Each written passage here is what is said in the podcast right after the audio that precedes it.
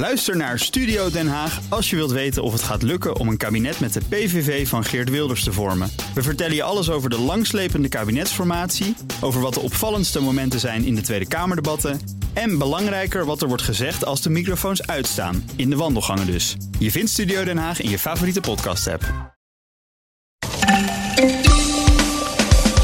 Omdat de Delta-variant zich sneller verspreidt dan eerdere varianten, zou ook de coronatest sneller na een mogelijke besmetting moeten plaatsvinden. Niet na vijf, maar al na drie dagen, suggereert het redteam. De omwonenden van Tata Steel hebben geen vertrouwen meer in de overheid en gaan nu zelf de uitstoot van gevaarlijke stoffen meten. En ze hebben daarvoor inmiddels een miljoen opgehaald. En bedrijven beginnen weer met de inkoop van hun eigen aandelen. Dit is Nieuwsroom, de dagelijkse podcast van het Financiële Dagblad en BNR Nieuwsradio. Met het nieuws verteld door de journalisten zelf. Ik ben Mark Beekhuis en het is vandaag woensdag 28 juli. En we beginnen weer eens met een mededeling van onze sponsor. Dat is de podcast Het Nieuwe Geld, gemaakt door Rijn-Jan Prakke.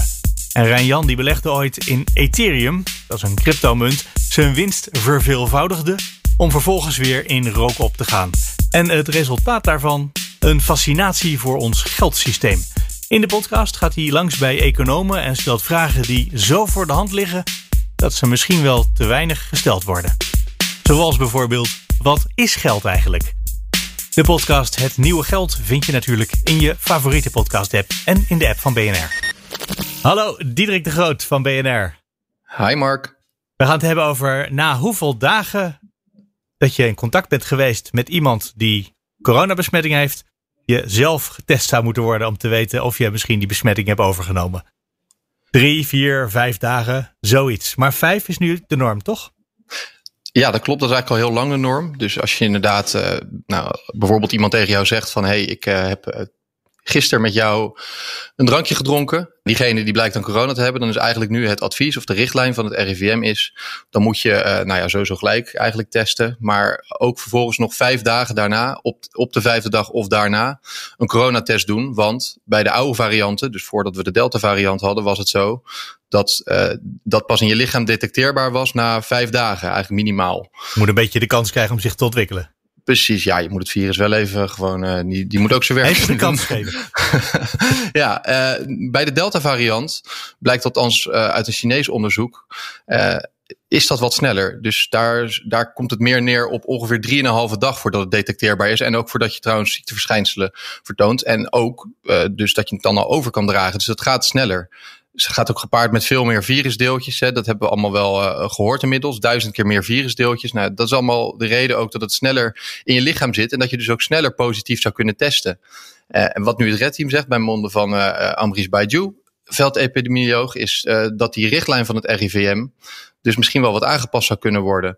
Aan de nieuwe tijd. Precies, dus je zou mensen al kunnen zeggen van nou, het kan best nuttig zijn om na drie à vier dagen al die tests te doen. En wat het voordeel dan natuurlijk is, is dat als je het dan al ontdekt, in plaats van pas na vijf dagen, gaan mensen zich toch ook anders opstellen. Niet iedereen houdt zich aan die verplichte quarantaine, of nou ja, die quarantaine, niet verplicht. Het wordt niet ja, uh, zeer streng geadviseerd. Ja. Precies. Dus uh, ik bedoel, de, het advies is sowieso van als je weet dat je met iemand in contact bent geweest die het heeft, moet je sowieso in quarantaine totdat een test anders heeft uitgewezen. Alleen niet iedereen doet het natuurlijk. Terwijl als je al na drie dagen weet dat je het ook hebt, dan zal je je toch anders gaan gedragen. Want ja, ja. ik heb die data niet, niet bij de hand. Maar volgens mij is het toch, kunnen we toch wel stellen dat iemand die weet dat hij het coronavirus heeft, dat hij iets sneller in quarantaine netjes zal blijven zoals dat hoort. Dan als er alleen maar wordt gezegd, ja, je zou het eventueel kunnen hebben, want je bent in contact geweest met. Ja, als je weet dat je besmet bent, dat je het serieuzer gaat nemen dan wanneer je misschien besmet bent. Je zou denken, dit is het red team. Dus dan uh, is dit wel een beetje een tegendraadse opvatting waar ze mee naar buiten komen, omdat het RIVM niet snel genoeg gaat in hun ogen. Zo is het altijd eigenlijk. Ja. nou, dat is ook de rol van een red team. Hè? Ja, de, de, de red team is extra kritisch kijken naar dingen die misschien al wel overwogen moeten worden. Zeker, zeker. En uh, ja, dat is inderdaad ook de rol die ze met verve op zich hebben genomen. Uh, in dit geval uh, is dat inderdaad weer zo. Het RIVM die hebben uiteraard om een reactie gevraagd. Wat ze eigenlijk zeggen is dat ze alle relevante literatuur, wetenschappelijke literatuur over de Delta variant natuurlijk in de gaten houden. Maar dat er op dit moment nog geen wetenschappelijke consensus, zoals ze dat dan noemen, over is. Uh, in, ja, ik weet niet precies hoe je wetenschappelijke consensus kan definiëren. Dat is lastig. Maar in die zin hebben ze gelijk dat het, het is voorlopig, voor zover ik het heb kunnen zien, is het één groot serieus onderzoek wat het constateert. Maar uh, Amrish Baidu zei ook bij ons in de uitzending, het blijkt ook wel gewoon uit data uit landen die natuurlijk ook gewoon kijken van hoe, hoe de besmettingen verlopen en hoe uh, de tijdlijn van zo'n uh, Delta-variant in iemands lichaam is. Daar blijkt het ook wel uit. Uh, er zijn ook al landen zoals Noorwegen, vertelde hij bijvoorbeeld, waar ze al hierop inspelen. Dus dat je al eerder wat mensen, eerder mensen inderdaad de mogelijkheid geeft of aanspoort om die test te doen. En overigens ook daarna, na, als het dan negatief is, dan na vijf dagen nog een keer. Want het is natuurlijk wel zo dat er eh, de Delta variant is weliswaar op weg om de dominante variant te worden. Of is, is dat eigenlijk al, maar uh, je kan ervan uitgaan dat het op een gegeven moment allemaal Delta variant is straks. Maar er zijn nog heus wel andere varianten, dus de oude varianten, die je pas na vijf dagen kan detecteren. En die besmettingen wil je natuurlijk ook niet missen. Dat is dus waarschijnlijk wel een reden voor het RIVM om een beetje terughoudend te zijn. Denk je, moet je nou vier of op drie of op vijf? Nou, net vijf hebben ze allemaal. Ja, precies. Dan heb je alles. En dus als je, je, eigenlijk gaat het om een risico-inschatting. Want denken we nou dat we er op de derde dag al bij moeten zijn?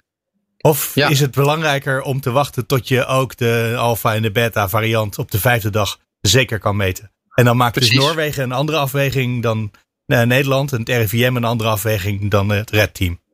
Ja, en ja, op dit moment wel. Inderdaad, RIVM zegt dus dat op dit moment uh, zijn ze niet van plan om uh, die richtlijn aan te passen. Maar het is natuurlijk ook niet per se altijd een keuze inderdaad tussen drie of vijf dagen. Want in Noorwegen inderdaad, zoals uh, Baju vertelde, is het dus inderdaad, je kan het dan na drie dagen doen. Er wordt ook gezegd dat het dat nuttig kan zijn.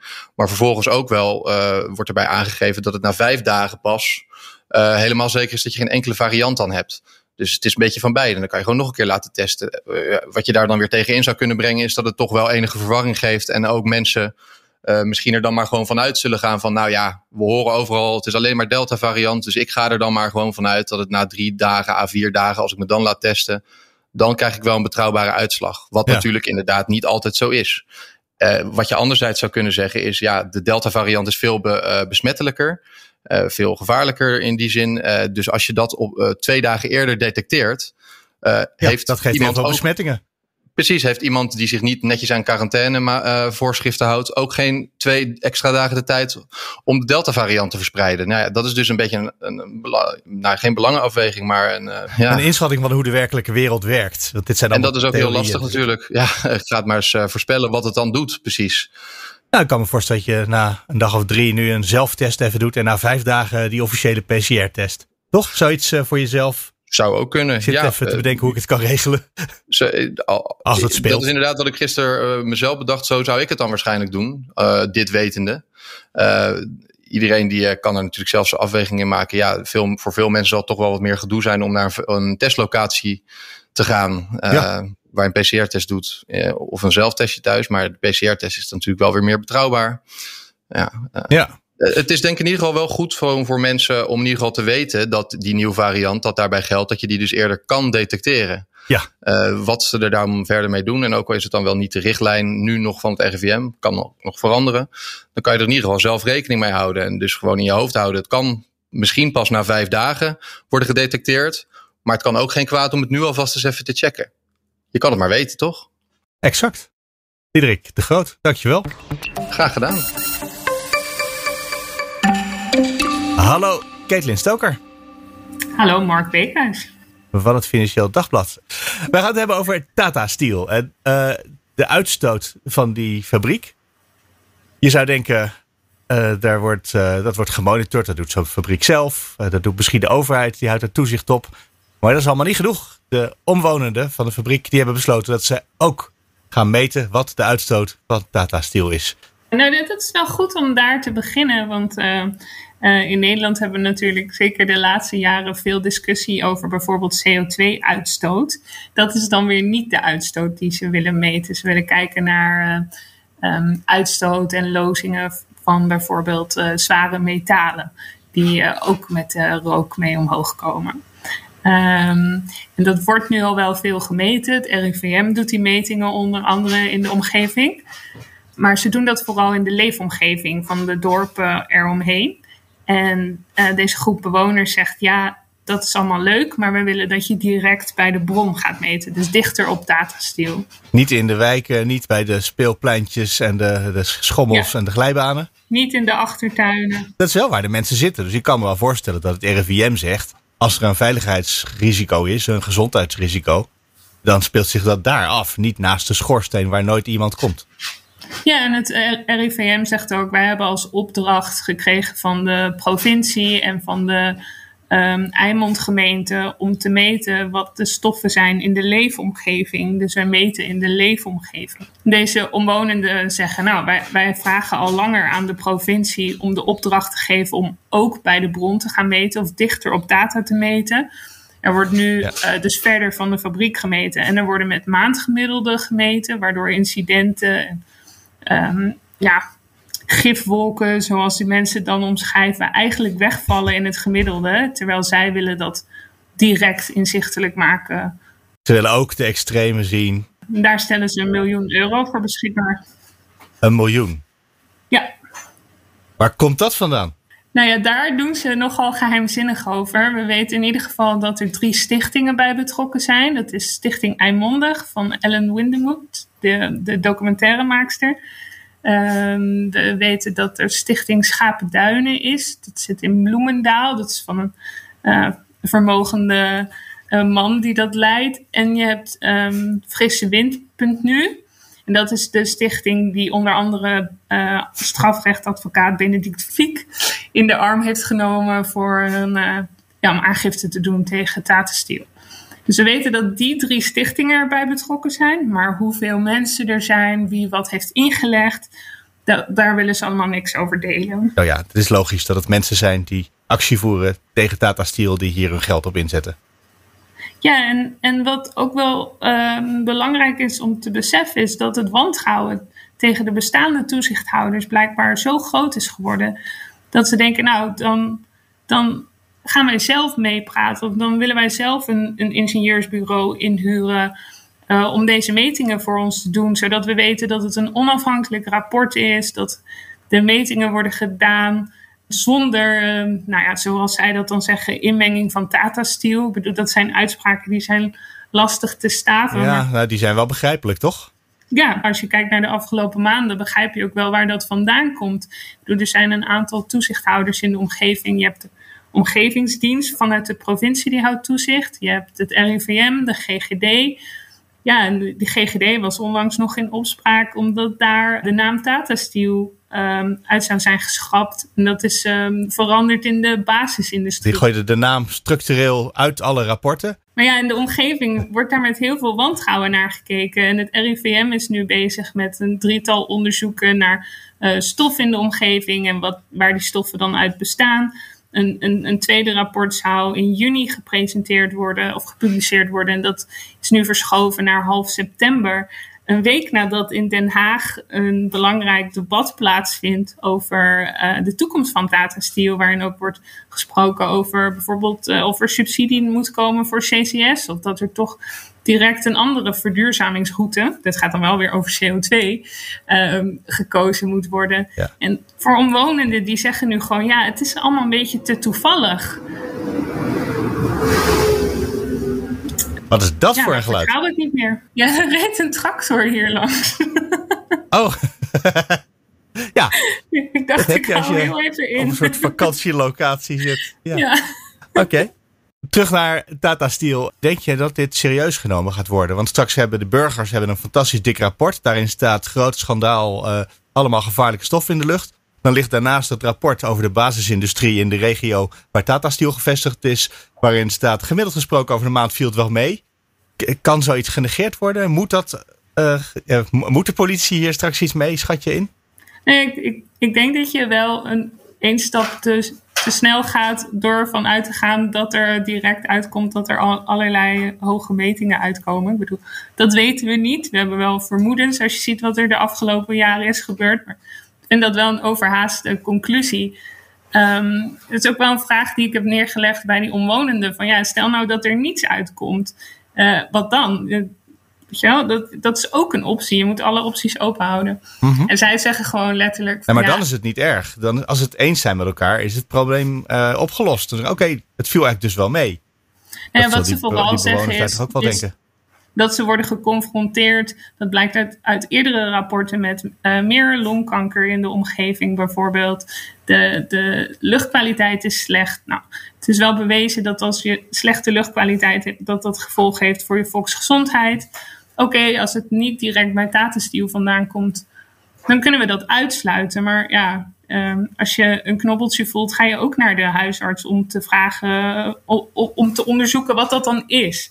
Dus waarom eh, onderzoeken ze Tata Steel niet direct? Dat is een beetje de, de reactie die daarop komt.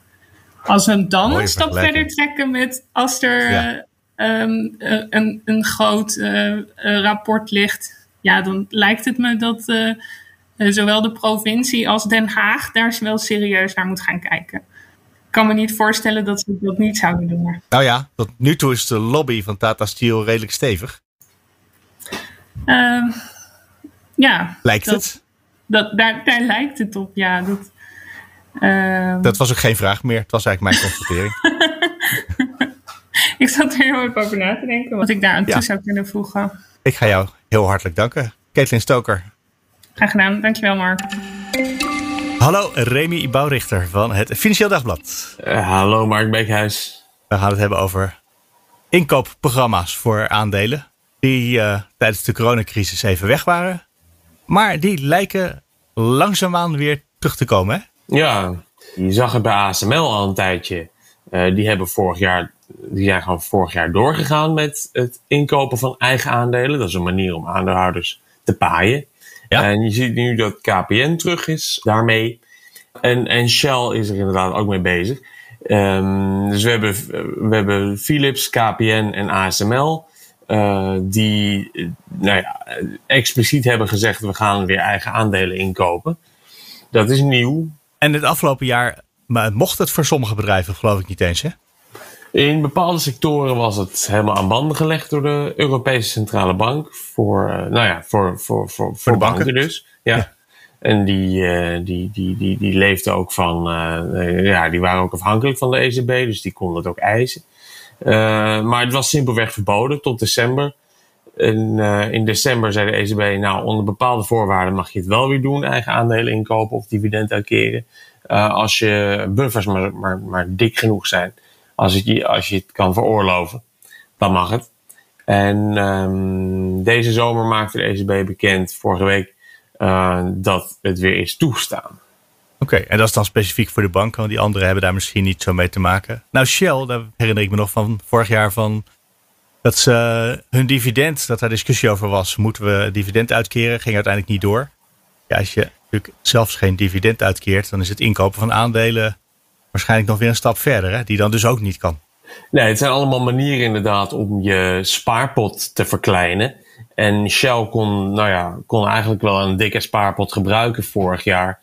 Eh, na, het, nou ja, na de olieprijskrach in maart. Toen olie eh, een paar dagen lang zelfs eh, ne- een, nou ja, negatief. hoe heet het? Ja, neem mijn olie mee en alsjeblieft, hier heb je geld. Ja, die, die oliebedrijven konden olie niet meer kwijt. Alsjeblieft, neem het van ons over.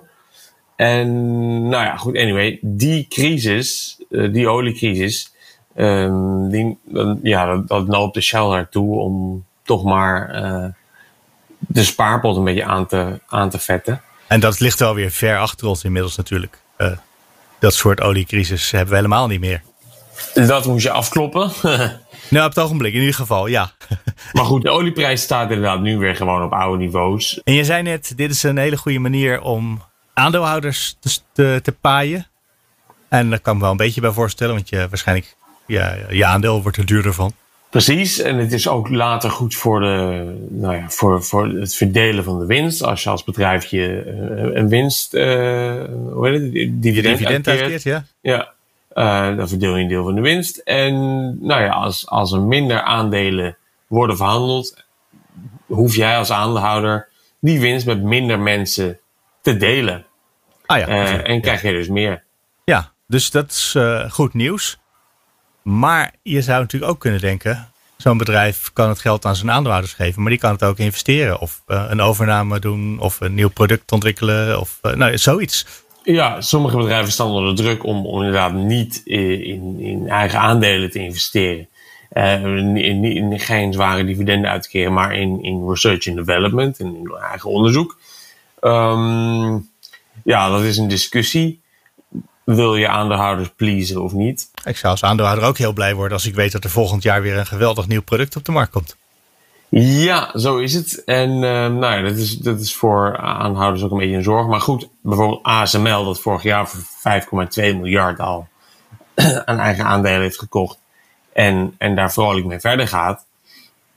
Is ook een koploper wat, uh, wat op het gebied van onderzoek en ontwikkeling. Dat is ook wel een heel bijzonder bedrijf, hè?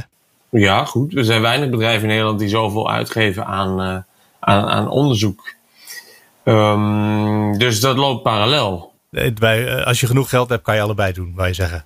Ja, dat geldt overigens ook uh, voor Philips. Vor, volgens mij stond die vorig jaar ook in de top drie van grootste nou ja, onderzoeksuitgevers.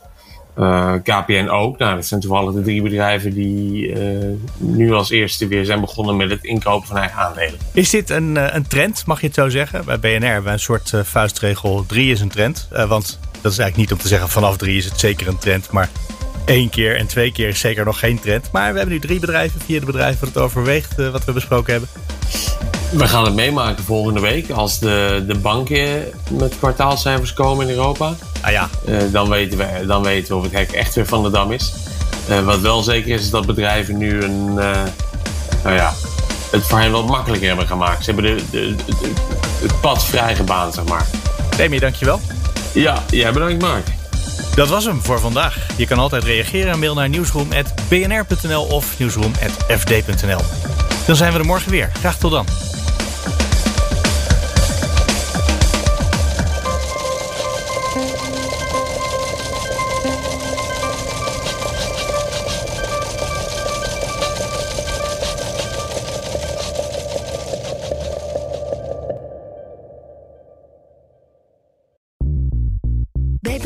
Ben je altijd als eerste op de hoogte van het laatste nieuws. Luister dagelijks live via internet. Bas van Werven. En heel langzaam komt de zon op rond dit tijdstip. Je krijgt inzicht in de dag die komt op BNR, het Binnenhof in Nederland en de rest van de wereld. De Ochtendspits. Voor de beste start van je werkdag. Blijf scherp en mis niets.